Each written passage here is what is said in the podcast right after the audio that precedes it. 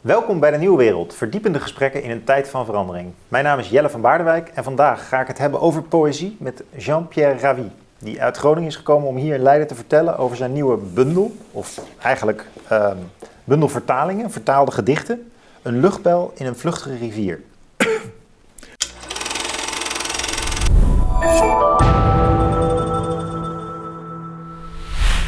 Welkom. Deze bundel is, uh, is in zoverre uh, grappig dat ik de drie minst populaire genres in literatuur heb weten te verenigen: poëzie, vertalingen en essays. En niettemin komt er een herdruk van, dus er is toch wel een publiek voor. Ja. Dus dat, uh...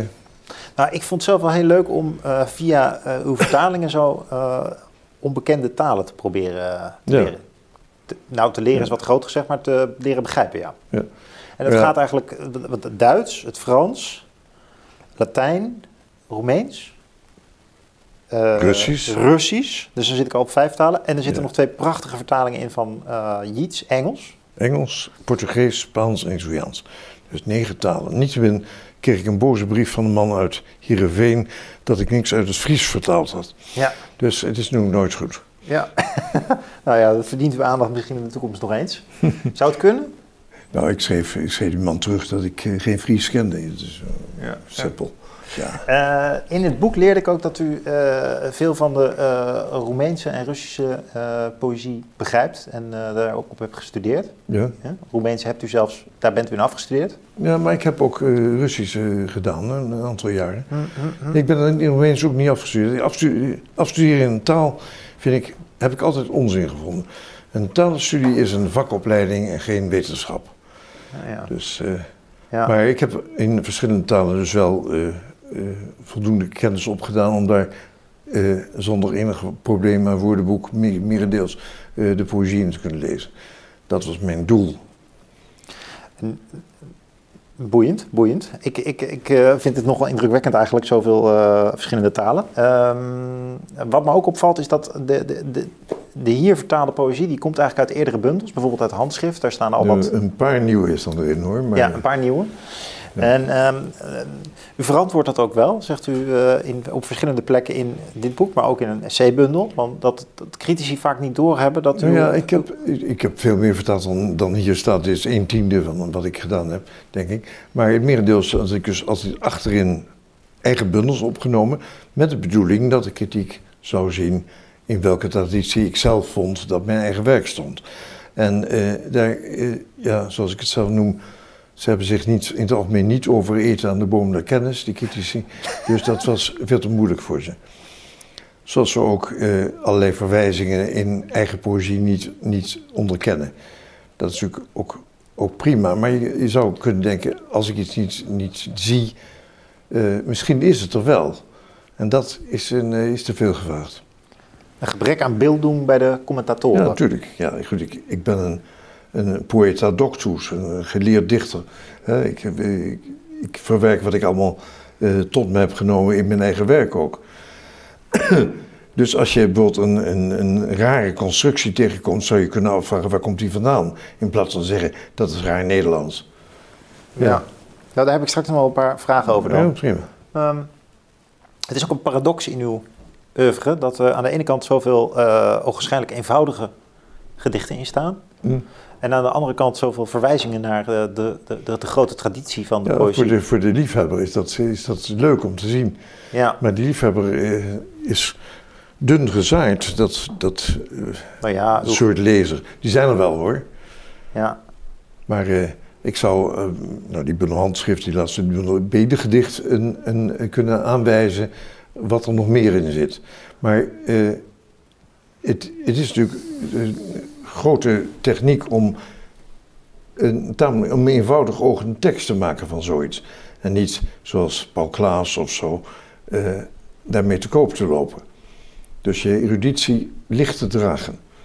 En bovendien ook weer een kunstwerk maken. Ik heb ook in die bundel een, een heb je het over een sonnet van Quevedo, waarin uh, uh, men iets van 10 of 20 bronnen herkent in 14 regels. Terwijl het toch een heel mooi sonnet is wat je zonder al die wetenschap kunt genieten. En dat is eigenlijk het ideaal. Mooi toegelicht. Het raakt ook aan een andere paradox, zou ik zeggen, in veel van, uw, van, van, van, van, uw poëzie. Uh, waarin aan de ene kant uh, toch een soort. De eenvoud wordt gecombineerd met een meer droevige toon. Een, nou ja, een, een zekere kijk. blues die ook doorklinkt in, het, in nou de ja. keuze voor de jambe altijd. Nou ja, de jambe is een normale. Niet altijd hoor, dat ik, ik heb ook wel andere metra gebruikt. Maar de jambe is natuurlijk de gewone spreektaal. die is in jambes. Dus dat probeer ik ook in poëzie veel evenaren. En uh, ja, kijk, gedichten gaan toch over iets wezenlijks. In, in, hè, dus, en het, het, meest wezenlijke is dat alles voorbij gaat. Het voorbijgaan van de tijd, daarvan zijn andere dingen zoals liefde en dood en andere narigheid. Eigenlijk alleen maar uh, uh, symbolen. Maar zelfs als het bijvoorbeeld in de liefde heel goed gaat, weet een denkend mens toch dat het eindig is.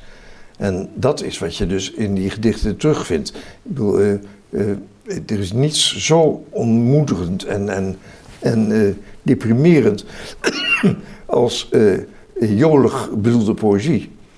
heb ik het niet over, over leuke light verse, die kan er ook zijn. Maar ik wil dus, nou, Toon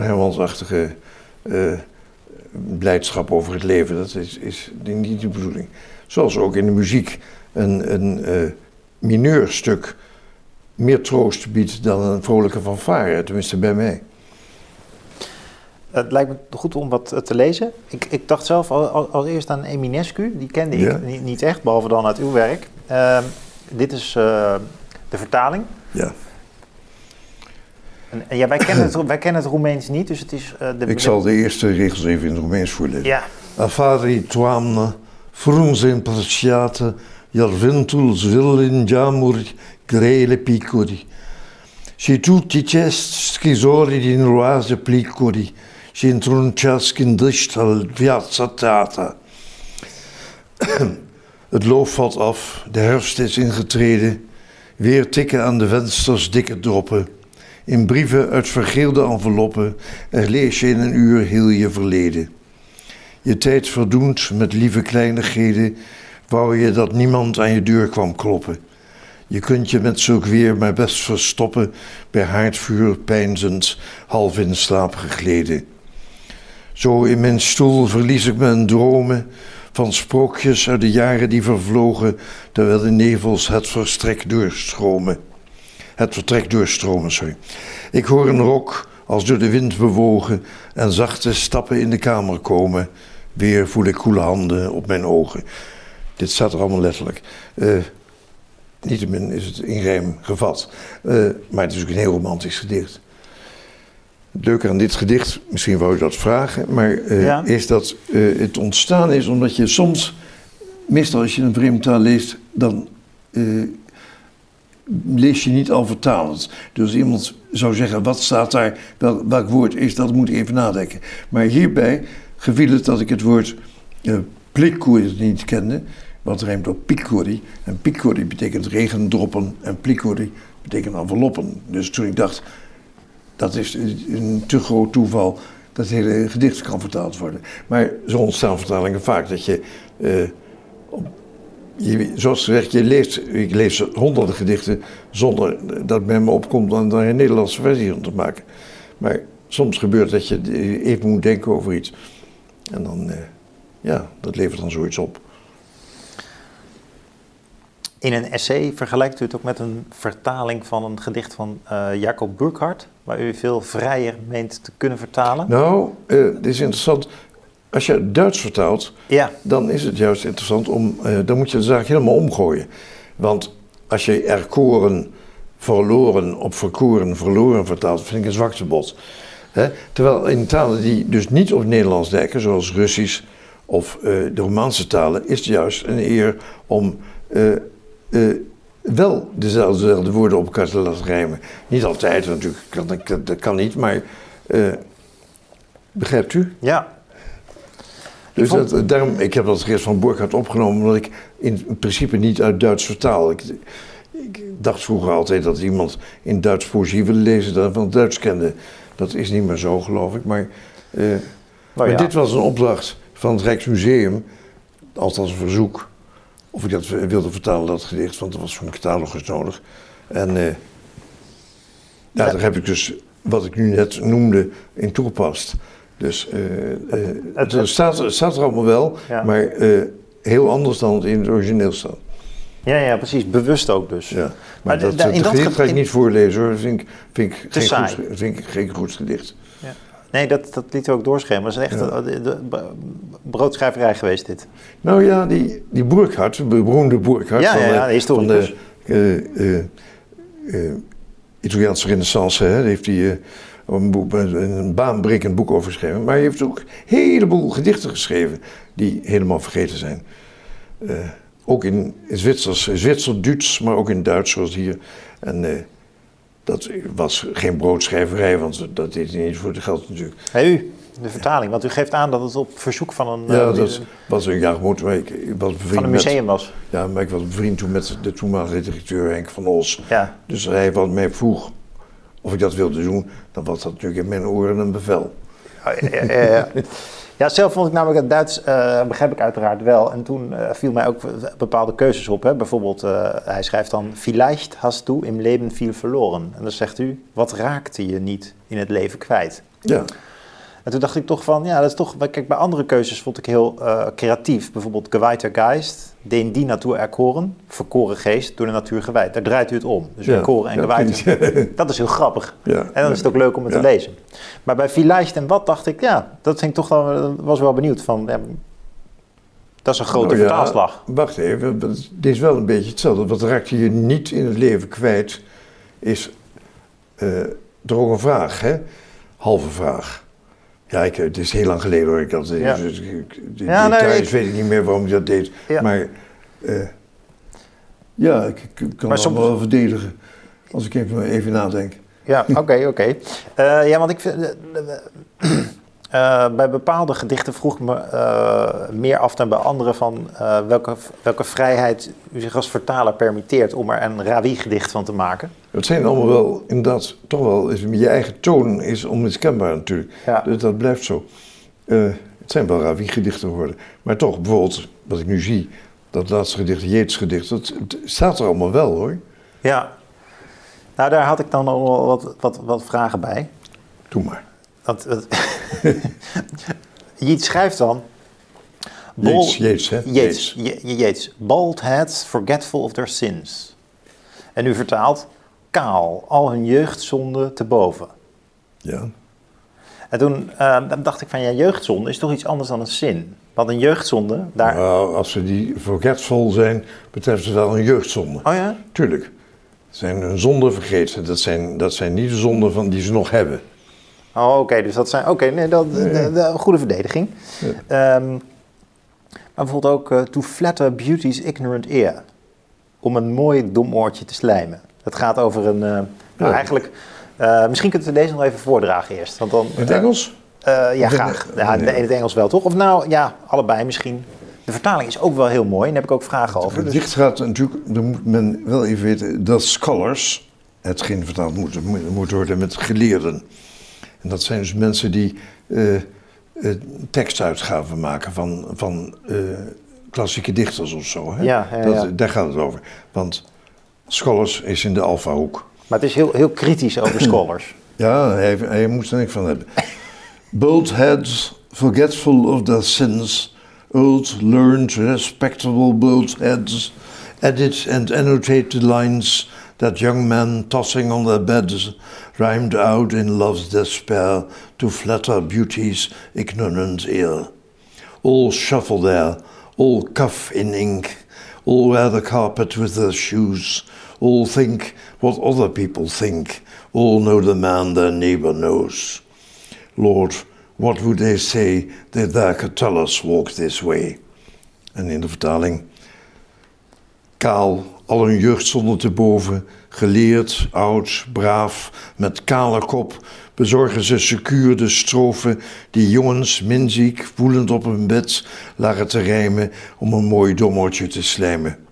Elk rochelt inkt, elk schokt gebogen, elk slijt met zijn geslofferd kleed, elk ziet de ander naar de ogen, elk weet wat ook zijn buurman weet.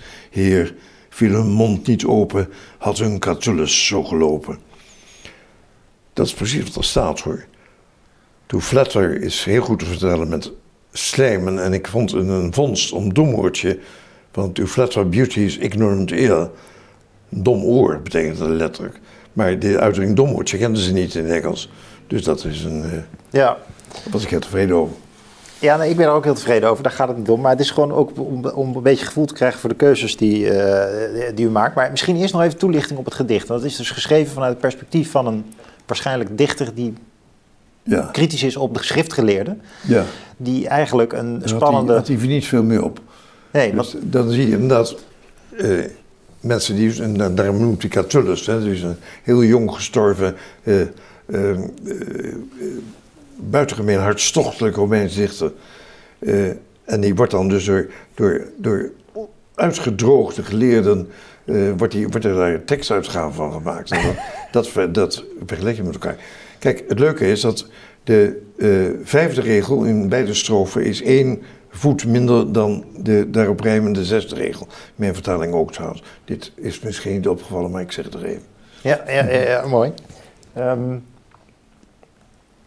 nou, er zit in ieder geval een zekere uh, frustratie in van de schrijver over dat die Catullus dus nu wordt bestudeerd door die, door die uh, introggelende oh geleerde. Ik weet niet of het een frustratie is, maar hij, hij, moet er niks van hebben in elk geval.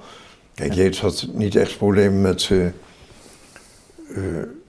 bedoel, hij, was, hij was niet afhankelijk van zulke mensen. Laten we het zo zeggen. Ja. Dus, maar ja, dit is onvermijdelijk. Ik bezit zeer geamuseerde edities van Jeets. Dus uh, ze hebben zich dat niet aangetrokken. Leest u zelf veel uh, boeken van uh, geleerden die schrijven over de letteren en over poëzie in het bijzonder? Nou, dus, kijk, bij sommige schrijvers, ik ben een grote Dante-liefhebber, maar daarbij is het nodig een groot commentaar, anders begrijp je het niet. Dus ik heb de hele Dante eerst gelezen met dat heb je een editie van in drie delen, drie regels, vier regels en dan de rest noten. Dan heb ik al die noten doorgewerkt. Nu lees ik, herlees ik het en raadpleeg noten alleen nog als ik iets niet begrijp. Dus nu, nu eindelijk zie ik hoe goed dat boek gewoon in elkaar zit. dat, maar bij sommige moeilijke schrijvers is het natuurlijk nodig. vooral oude, oude dingen uit, uit de oudheid of, of de middeleeuwen. dan is het wel nodig dat je enig commentaar van geleerden erbij hebt. Dus uh, wat dat deel ik niet helemaal de, de wezen van Yates. Maar ik vond het wel leuk om dit als laatste uh, op te nemen. Over een boek wat eigenlijk dus veel essaytjes bevat over schrijvers. Dus dan, uh, dat was natuurlijk ook weer een ironie van mezelf om dit als laatste te doen. Ja, dus, dus die zit op, bewust op de laatste plek van het boek. Ja, ja. ja zeker. Uh, inderdaad, dus het boek is mooi vormgegeven, essays en dan de vertalingen. En die essays die verdiepen wat over, wie, wie, heeft het geschreven. En, Nou ja, het zijn weetjes en soms polemiek. Ik, ga, ik zeg wel degelijk sommige dingen over, over critici en uh, vakboeders en zo. En ja, god, soms vertel ik iets over, de, over hoe de vertaling tot, tot stand is gekomen, maar ik, dit, daardoor is het, vind ik zelf, geloof ik, is het wel een leuk boek. Uh, geen dorre, dorre literatuurwetenschap. Nee, nee, het is een geweldig boek. Ik heb er niet voor niks uitgenodigd. Ik heb er erg van genoten. Uh, ik dacht, we kunnen nog overstappen nu op uh, Lopen de Vega. Ja. Uh, de wasvrouw Janni. Ho hoewel het ook vol zit met geleerde verwijzingen, vond ik het toch een erg mooi gedicht. Ja, dat zou tegenwoordig in Nederland als light verse gelden. vlak voor zijn dood heeft Lopen de Vega, namelijk is behoorlijk nog redelijk oud geworden, heeft een bundel met de gedichten van een, een uh, uh, arme, student eigenlijk. Heeft die, en, en, dat zijn voornamelijk dus gedichten waarmee hij uh, een beetje draak steekt met het petrakisme van zijn tijd. dus de, de clichés die toen hoorden een beetje op, een kop zet. Onder meer dus in dit gedicht. Er was vrouw Jannie, maar bij gezegd moeder dat Juana is uh, geen dichterlijke naam. Hè. De meeste dichters uh, hadden het over Amaryllis of Phyllis of zo. Ja. En dan altijd een mooie uh, klassieke naam voor een. Dus, maar dit is een gewone, gewone Spaanse meisjesnaam. Maar dit is ook de pointe van het gedicht, zou ik zeggen, dat het gewoon over een normale vrouw gaat. Ja, dat was vrouw Jannie. Virgilius mocht met zijn herdersdicht De schone Amaryllis roem bereiden en Cynthia en Corinna stralen beide dankzij hun dichters in een hemelslicht. Voor Lesbia heeft Catullus opgericht een monument tot aan het eind der tijden. En sinds Petrarca het alom verbreidde, kent heel de wereld Laura's aangezicht. En ik, die in je haar gevangen ben, hoe zou ik Amors dwangbevel negeren? Een boerse dichter met een grove pen zal Jannie steeds je mooie ogen eren, waar ik jouw zeepsop meer belang toeken dan al die dames en dan al die heren. Waarbij dus uh, ook dat uh, in het haar gevangen zit ook weer een typisch cliché is van de uh, poëzie van zijn tijd. dat het haar van de vrouw was een, een, net waarin de man gevangen werd en zo. Dat ja. komen we voortdurend tegen, al bij Petrarca dus, maar vooral bij zijn navolgers. Ja. Ja, mooi. Hij, hij, natuurlijk, hij laat wel blijken dat hij al die dingen gelezen heeft en allemaal weet. Ja. En zo, dat is typisch voor Lope de Vega. Want hij laat dus weten inderdaad dat, dat, dat Dante verliefd was op een uh, of, uh, Petrarca, op, op Laura, die, die, wel of niet bestaat. Ja, dat wist natuurlijk iedereen in die tijd, maar, ja. maar uh, ook die klassieken noemt hij Virgilius en Ovidius en dergelijke. Daar zitten wel wat, wat, interessante vertaalkeuzes in, vond ik, want het, is, het, het, het loopt over van verwijzingen in het Spaans.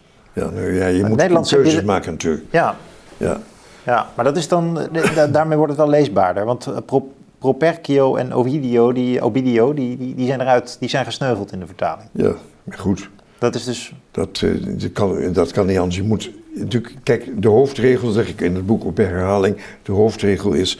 A good poem should not be turned into a bad one. Dus als je... Dus je moet gewoon een gedicht maken naar wat, wat dus een zelfstandig gedicht wordt. Als, na, van zo'n vertaling. Dat is de, de, het hoogste wat je kunt bereiken. En waar letten we dan op? Wat is een goed gedicht? Want... Ja, dat, dat, is dus, eh, dat moet de dichter zelf beoordelen.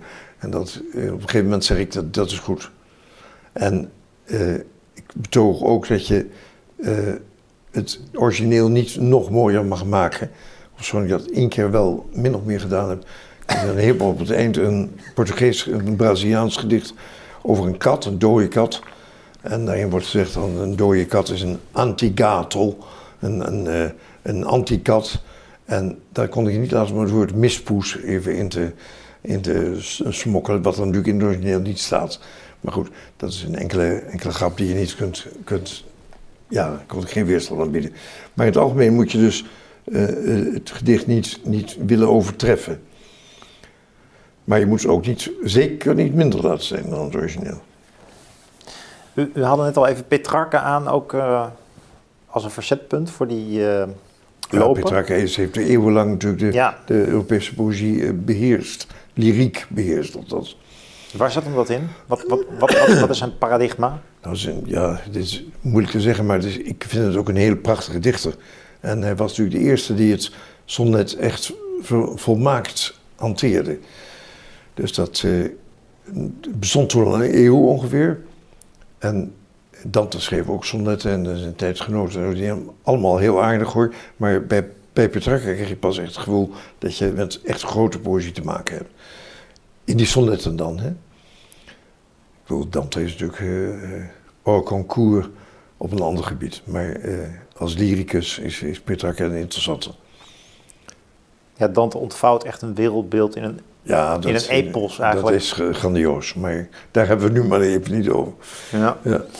Um, Menini, uh, dat vond ik ook een mooi uh, over het zielloze ding. Ja, dat is een mooi, mooi gedicht. Ja.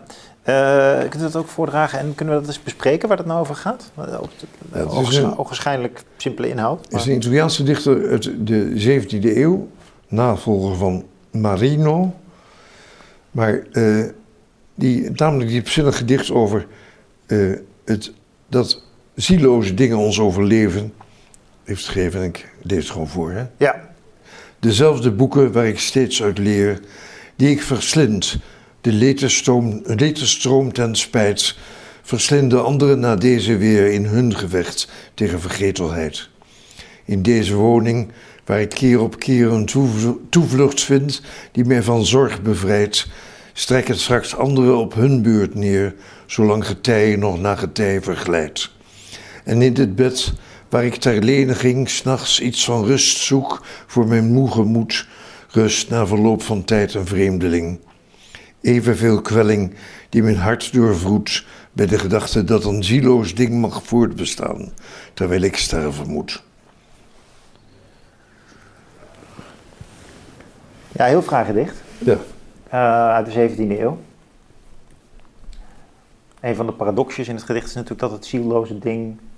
Je hoopt natuurlijk als schrijver dat in je boek toch nog iets van je bezieling blijft voortbestaan. Ja, ja, ik heb ook eh, wel gedichten vertaald van volstrekt onbekende Italianen uit de, uit de 17e eeuw. Die dan, er was één man, Gaudiosi heette, dat is hier niet in hoor, maar wel ergens in een van bundels. Maar eh, die heeft zijn vrouw en zijn kinderen aan de pest verloren, is verjaagd door de oorlog en dat soort dingen. Maar schrijft hij gedicht na gedicht. In mijn gedichten zal ik voortleven. Het boek is nooit uitgedrukt. Dat vind ik zo sneu dan. Ja? Ja. dat is zeker snel, ja. Maar goed, ik heb dan toch nog weer iets van die man vertaald. Ja. Dus helemaal weg is hij niet. Heb je het wel eens overwogen om zelf iets te schrijven in het Roemeens of Nee, Italiaans? nee, nee, nee, je moet Dat- niet, niet in, dat is interessant, want nu komen we op een heel ander onderwerp.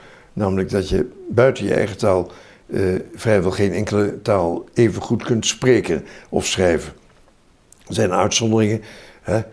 Nabokov bijvoorbeeld, die schreef natuurlijk prachtig in het Engels, maar eh, geen Engelsman zou ooit zo geschreven hebben als Nabokov.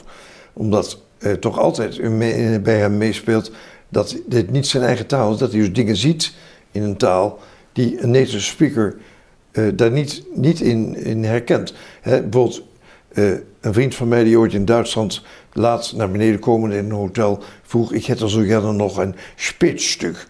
Nou, die, die Duitsers kwamen niet meer bij, want het woord frühstuk in de oorspronkelijke betekenis is natuurlijk helemaal weg voor die mensen. Dus dat, is zoiets. Maar eh, er is op het ogenblik, zeker in de academische wereld, het misverstand mensen denken dat ze college kunnen geven in het Engels. En dat is niet zo. Eh, geen, niemand kan in het Engels, als hij een, een Ne- Nederlander is, zo briljant college geven als hij al briljant college kan geven. Ja, dan laten we daar Dat zo beginnen. ja. even een belangrijk punt eh, in het Engels. Ik hield vlak voor de ophokking, eh, Ja? eh, hield ik... We eh, begrijpen waar het ja, over heeft. hield ik een eh, betoog voor de Groningse eh eh die Betenclub van de universiteit. Wel Allemaal hoogleraar en oud-hoogleraar en zo. eh, tegen de verengelsing. Daar kreeg ik natuurlijk enorm veel tegengas. De rating ging het om en zo. En toen dacht ik, nou, ik lees heel veel Engels, maar ik moet toch elke dag nog woorden opzoeken. Ik zal u twee woorden voorleggen die ik vandaag of gisteren, weet ik niet meer, eh, eh, moest opzoeken. En dan u vragen of u weet wat het is. Het eerste was mullet, wat natuurlijk mul betekent, maar het heeft ook nog een andere betekenis. En dat was, wat geen van de heren wist, ik ook niet, voor het opzocht, matje in de nek. Mullet. En het tweede was nog leuker, dat was dat ik vroeg, kan u, het, weet u wat het uitdrukking, a dry bob betekent? Nou, dat wist ook niemand. Dit is dus niet een onbeschonken chauffeur. A dry bob is Engels voor, voor het zingende kerk uitgaan. Kijk, dat zijn dus toch interessante dingen. Maar kijk, als je die dingen zelfs passief niet weet, dan vraag ik me af, dan geef je heel armoedig college. En bovendien zijn studenten voorkomen vaak uit China, spreken heel beroerd Engels. Docent geeft in steelkolen, steelkolen Engels eh, eh, college. Dat is een dialoog van goede gestoorden. Ik moet er niet aan denken dat in mijn tijd dat ik. eh, dat moet. Nou, ik kreeg een mail van de toenmalige, ik weet niet of het nog zo is, toenmalige hoogleraar eh 17e eeuws Nederlands aan de VU, Johan Koppenol. En die vertelde mij dat hij van de 14 uur college er acht in het Engels moest geven. Die man heeft het dus over Prero, Katz, Hoofd. Dat is toch idioot? Ja, verschrikkelijk. Ja. Waar En- komt het vandaan? Nou, en, Waar komt het vandaan? Wat denkt u dat, Ja, men- verklaart men- deze, men- dit, dit Ja, kijk, enthousiasme voor het dat- Engels? Dat, dat is omdat de universiteit een, een model, een verdienmodel geworden is. Dat was niet in mijn tijd. Hè. De universiteit, die, die, die, die maakte geen winst, maar eh, je leverde mensen af die in de hand weer een, een eh, aandeel leveren aan de maatschappij. En zo kwam het allemaal goed. Maar tegenwoordig is bij elke buitenlandse student eh, is een, is een geweldige boost aan geld. Maar ja, het gaat dan ten koste van, van. Nou ja, je kunt in Groningen bijvoorbeeld. kun je geen enkele vreemde taal meer als hoofdvak leren. Hè? Het is een, een, een, een één vak geworden en die heet Europese taal en cultuur. Nou, dat is een pretpakket, dat begrijpt iedereen.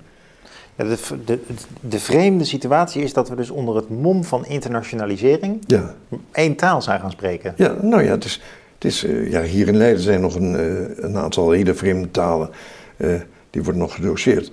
Maar dit is een warme, maar ook, ook, ook, in, in andere studies. Hè? Eh, het Engelse rechtssysteem is volstrekt anders dan eh, het Europese.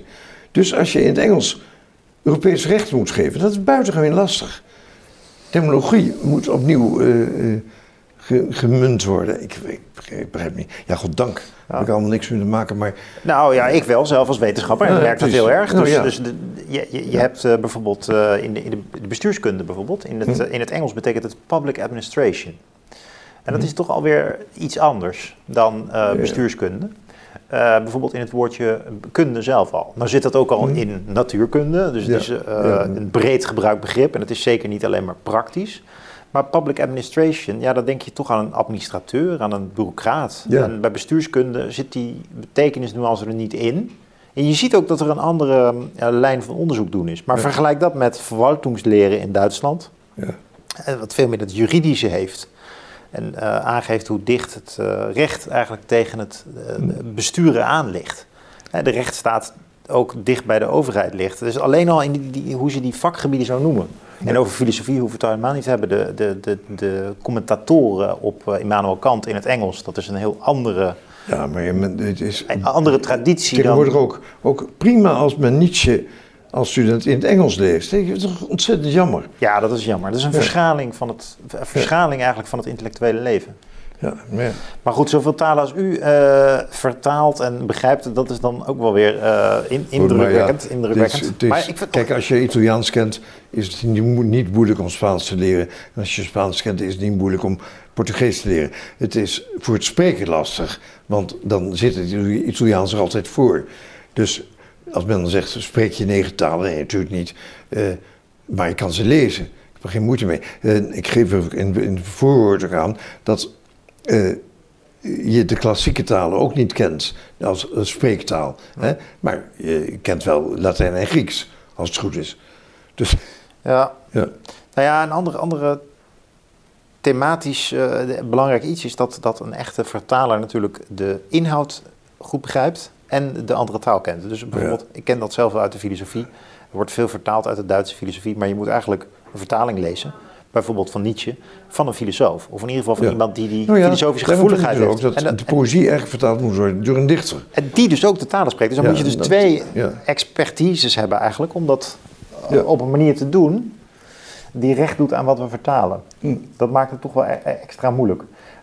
Eerder zei u dat u toch niet zomaar denkt in een andere taal te kunnen schrijven. Dat, eh, er zijn wel dichters geweest die dat probeerden. Bijvoorbeeld Rielke, de late Rielke. Nou, Ja, trouwens niet eens de late. Ja, die heeft het Frans Ja. geprobeerd.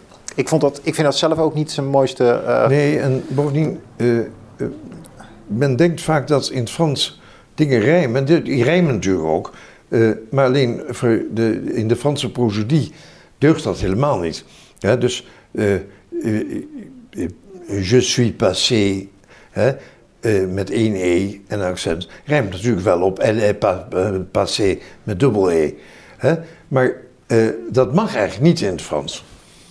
Dus voor een Fransman is dat, is dat heel erg rommelig. Ik denk, weet niet hoe het tegenwoordig is hoor. Ik denk dat nu ook in het Frans niet meer gerijmd wordt. Dat, kijk, ik begrijp wel dat ze dat in, in de Romaanse talen op een gegeven moment een beetje, ja, van, ja, alles rijmt in die talen. Dus eh dat is veel makkelijker dan. Dus dat ze dat afgeschaft hebben, dat is vermo- vermoedelijk in het Italiaans moeilijker is om een niet-rijmend gedicht te schrijven dan een rijmend. maar in Nederlands eh, gaat dat niet. Nou ja, ik kreeg een- over dit, over dit boek een eh, overigens positieve kritiek in de Poëziekrant van een man uit eh, België, geloof ik. Maar die schreef, ja, de poëzie heeft eh, zeven eeuwen nodig gehad om zich van, van haar ketenen te bevrijden. Ja, dan begrijp je dus helemaal niet dat juist de strakke vorm heel inspirerend kan werken. Ja. En natuurlijk, ik vind het prima dat er ook er heel veel poëzie bestaat die het niet hanteert.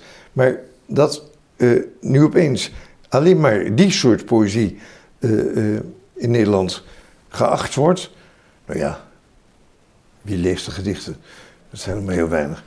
Nou, het is een vrij populair genre geworden de afgelopen jaren, heb ik me laten vertellen. Dus het is ja, opnieuw. De oplagers van dichtbundels. Ik heb het niet over mezelf, ik heb groot geluk gehad. Maar uh, zijn niet om over naar huis te schrijven. Ik geen, geen één uitgever uh, poëzie uitgeeft om winst te maken. Ander thema. U ja. uh, schrijft kritisch over het symbolisme. Dat, ja, dat is het meest saillante stuk daaruit. Ja, ook, ook ook Rielke was een tijd in de greep van het symbolisme. Van, uh, en u zegt eigenlijk, nou, dat is wel goed eigenlijk dat we die ketenen weer los hebben gelaten. Ook hij zelf. Nou ja, het, het, het symbolisme ligt aan de basis van de gedachte dat als je wartaal schrijft, dat je dan het origineel schrijft. Maar, maar en dat is helemaal niet zo. Maar wat is het constructieve zelfbeeld van de symbolische uh, ja, Het is een, een prachtige poëziestroming, daar gaat ja. niet om. Maar het is ontaard in... in uh, uh, dat men, dat men in dat, ja, het begint dus al bij Mallarmé en zelfs ook bij Rimbaud en zo, dat je echt onbegrijpelijke poëzie krijgt. En ik heb geef daar voorbeelden van, ik zeg het niet zomaar. Dus, uh, maar het zou te ver voeren om dat nu allemaal... Uh, ja, maar voorbeelden in... Ze moeten het boek ook lezen. Soms. Ja, nou, zo is het. Daarom zitten we hier ook, uh, ook te spreken. Ja. Maar omdat in het symbolische te veel gewichtig doenerij bestaat, te veel de, de diepte wordt gezocht die er nou, dan niet is? Kijk, je krijgt op een gegeven moment dat men het serieus gaat nemen van de allerindividueelste expressie, van de allerindividueelste emotie. En uh, dat is natuurlijk, een, dan is elk contact met de lezer is voorbij. Als je het, dat serieus zou nemen. Wat uh, onze Kloos, van wie die tekst is trouwens, zelf niets gedaan heeft. Ja, nee, nee. het was wel zijn adagium, maar het lukte hem niet. Nee, die, die gedichten zijn heel begrijpelijk. Uh, voor zover ze überhaupt leesbaar zijn. En, uh, maar een handvol. Maar goed. Ja. Nou, hij heeft wel een paar van die zinnen op zijn naam staan. Ja, precies. Die, die ook wel resoneren in een liberale samenleving, waar ja. iedereen toch denkt zelf uniek te zijn. Ja, maar dit is toch wel heel begrijpelijke poëzie. En dus niet de allerindividueelste expressie uh, want dat zou een kreet zijn. Ja. ja.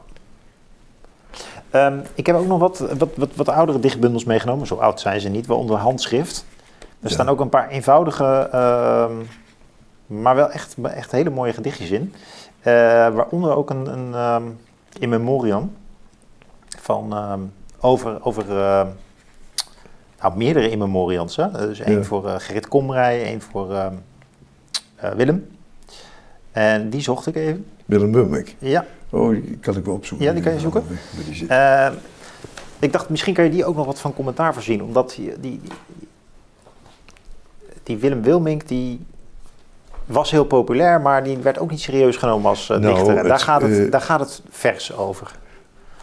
Even kijken hoor, of we het hier hebben. In de buurt. Ja.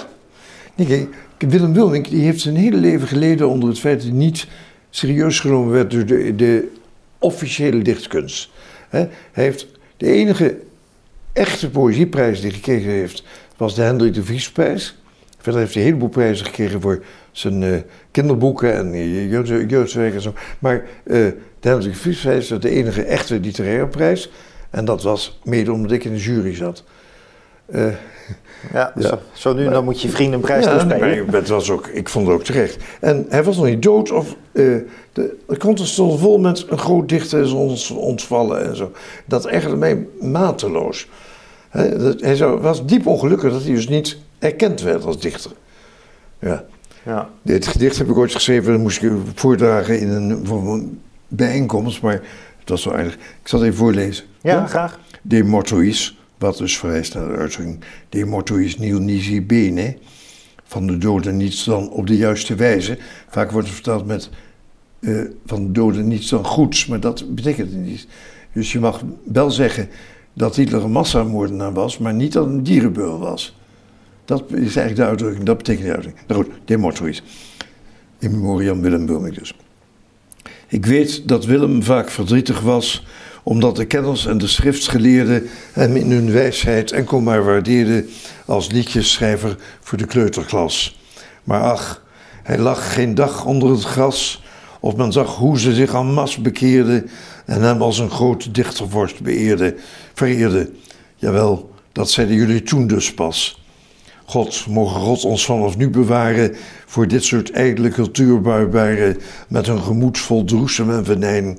Nee, dan de fijnproevers op dit festijn, die al die jaren al in Willem waren en tot op heden nog in Willem zijn. Maar dat was dus omdat ze in, het, in een zaaltje was. Maar Ja, de gedachte was toch inderdaad eh, dat ik het echt schandalig vond dat ze tot na zijn dood wachten om te eens te roepen. Dat, kijk, het is heel populair, de- nog steeds. Ik heb een bloemlezer gemaakt van hem, eh, die, die eh, geloof ik, zijn twintigste druk nu heeft. Hè, dat is, eh, waar Willem trouwens zelf van zei, eh, het, is, eh, het, het is mijn mooiste bundel, zei hij. Oh ja, Ja. van de bloemlezing. Oh, wat leuk. Ja. Eh, omdat de lezers thuis eh, eh, ook nog wat willen lezen uit eh, de luchtbelbundel. Stel ik voor dat we nog een ander gedicht bespreken, misschien uit de tijd vliegt. Dat is goed. Eén waarvan u zelf zegt dat hij... eh, Nou, ze- ze- kies hem. Ja. En ehm, ik wou zeggen, eentje die gaat over de eindigheid, maar dat is niet zo moeilijk, daar gaan ze bijna allemaal over. Ja.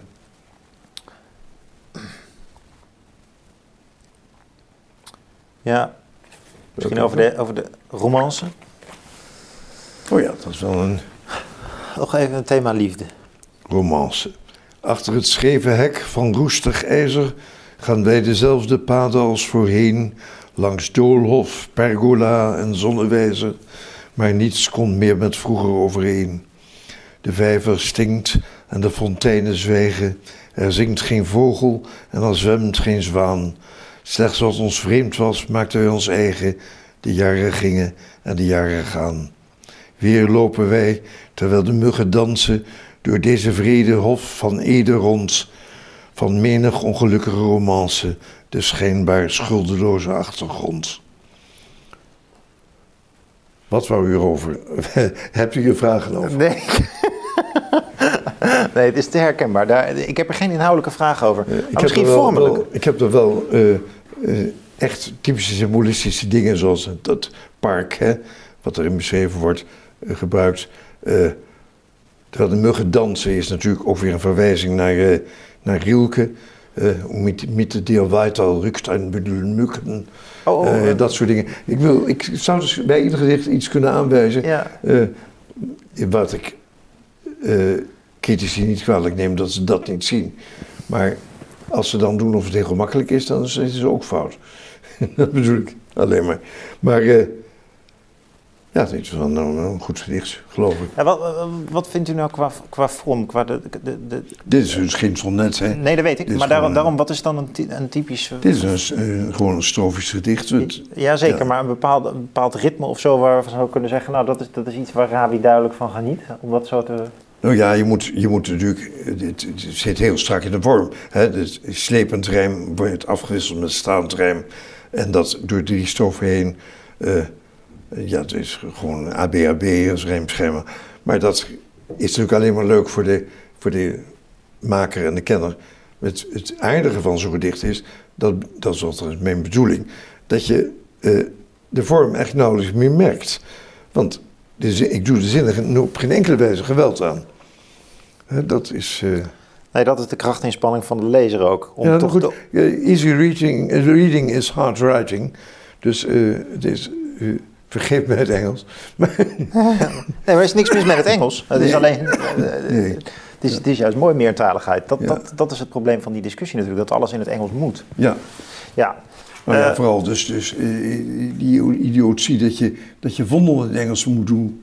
Ik heb een uitnodiging gekregen, daar is, heb ik een stuk over geschreven wat nogal veel opzien heeft gebaard toen. Ik kreeg een uitnodiging om via de Universiteit in Groningen over mijn eigen werk een lezing te houden, maar wel in het Engels. Dat heb ik dus geweigerd.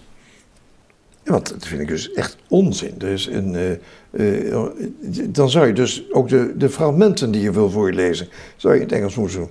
Dat is leuk. En om, kijk, onze minister, om daar even op terug te komen, onze minister, die overigens van Engelshoven heet, geen flauwe grappen maken, maar die zegt dus, eh, we moeten die zaak wel degelijk in hand roepen. Dus eh, je mag alleen maar in het Engels college geven als eh, daar een noodzaak voor is. Nou, dat is natuurlijk een lachertje. Die noodzaak is er altijd. Kunnen ze zo verzinnen. Dat ik, ik wil, Eén student uit Duitsland? Of, ja, Oh. of één student uit Vlaanderen. ja. Een buitenlander. Ja. Ja. Nee, ik, ik merk het zelf ook aan de universiteit. Nee, het is heel lastig om nog het Nederlands te, be- te, bewaren. Nou, ik En daarmee ken- gaat natuurlijk ook een Ik cultuur van geletterdheid verloren. Een, een jurist, een hoogleraar, die eh keurig Nederlands had gegeven, was een Engelsman. En toen werd dus ingevoerd dat hij college in het Engels moest geven. Moest geven.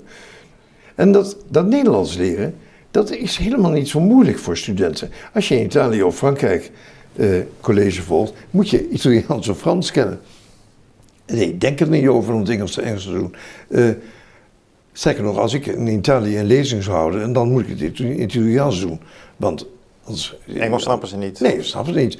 Dus eh, eh, wij hadden in Groningen, ik, zong, ik kom nu helemaal uit Groningen, dus dat is mijn, mijn eh, logisch dat ik mijn voorbeeld daar even aanhaal. Maar had je in de jaren 60 heel veel Noorse medicijnenstudenten.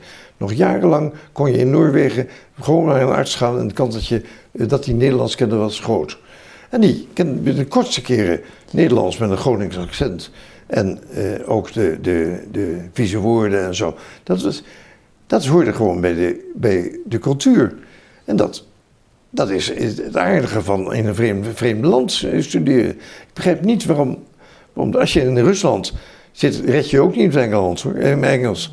Dat, eh, Hebt u zelf een, lange tijd in het buitenland doorgebracht? Of is het... Nee, nee eh, eh, zo af en toe ga ik even heen. Ik ben ook in Petersburg geweest, maar veel in Italië geweest.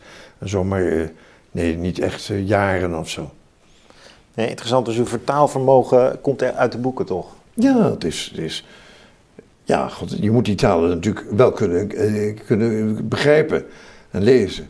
Hebt u wel eens een vertaling van iemand gelezen van uw sonnetten? Nou ja, ik ben is een hele bundel in het Russisch vertaald. Dat, dat kon ik dus ook lezen. Eh, alleen, eh, ik zou het zelf niet kunnen doen. Dus dat was echt zo'n Russin die dat gedaan heeft. Ja. Ja. En- En, er zijn ook dingen in het Italiaans en Engels vertaald. en zo. Allemaal, dat vind ik allemaal heel interessant. Eh, maar dat kan ik zelf niet. Nee, nee, u kunt ook die, die, die, die vertaling zelf niet meer beoordelen, lijkt. Of... Nee, dat, ik, ik kijk vooral of die, of die sterk op origineel lijkt. Dat is, ja, dat is een bedoel- bedoeling natuurlijk. Ja, ja, nou, dat blijft toch wel de spanning toch, van vertalen. Het, het is juist ook de Ja. bedoeling dat, het, dat Je- de vertaler het toe-eigent. Ja, maar ik vind ook niet dat je je daarmee echt moet bemoeien tenzij iemand een fout maakt natuurlijk. Ja, maar dat komt mij zelden voor, gelukkig.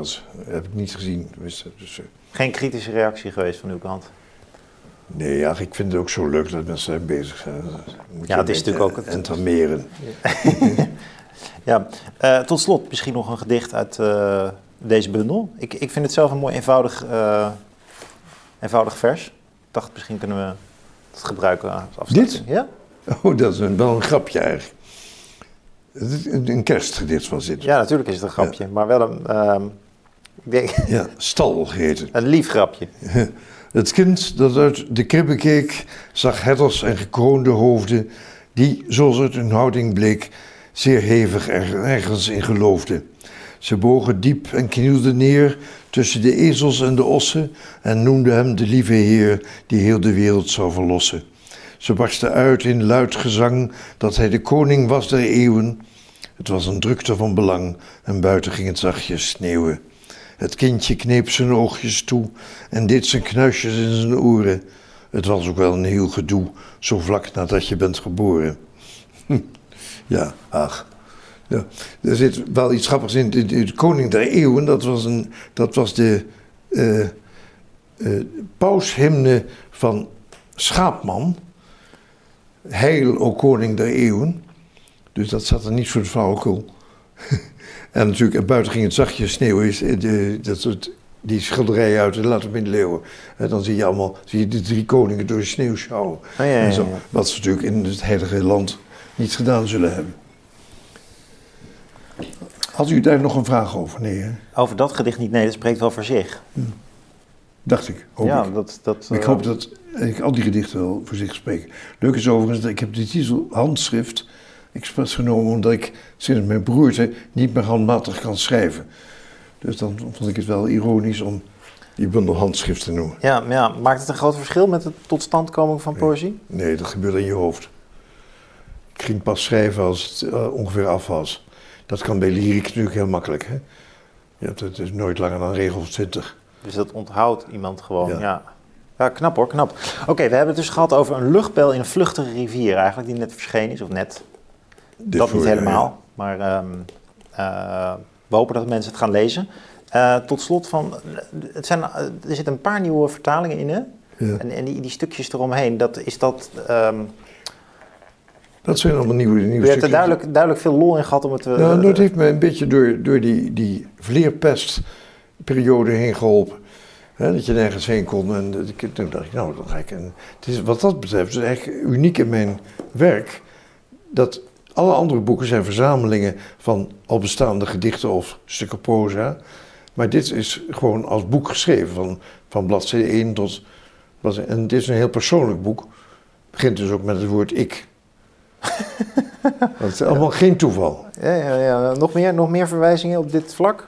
Nee, verder niet, maar het, het is een. eh, oh, ja, het, is heel- het gaat heel veel over mezelf en mijn houding erover dingen. De klassieke poëzie, hè? De, Ja, dus de. de nou ja, de 16e eeuwse, 17e eeuwse ja, het poëzie. is, het is vanaf 1200 tot, tot bijna nu. Prachtig. Ja. Ik heb er wel allerlei nieuwe dichters ook in ontdekt, dus dat is wel het leuke. Ja, ik heb van een heleboel eh, eh, figuren die, die niet, niet erg bekend zijn. Maar wat heel interessant is, ik heb wel gedicht, twee gedichten geloof ik. En één hier van Marino vertaald, maar Gian Battista Marino. En schrijft dus heel in dat het een tijdgenoot van Shakespeare en Cervantes, maar toen de beroemdste schrijver van Europa was. Ja. En die, die is nu alleen nog bekend aan, aan specialisten. Ja, dat was mij helemaal onbekend inderdaad. Ja. Maar het goed, hij is uit de mottenballen gehaald nu. Ja, Eh, Jean-Pierre Raby, dank voor uw komst hier in een nieuwe wereld. dat is mijn zoeken. Wederzijds.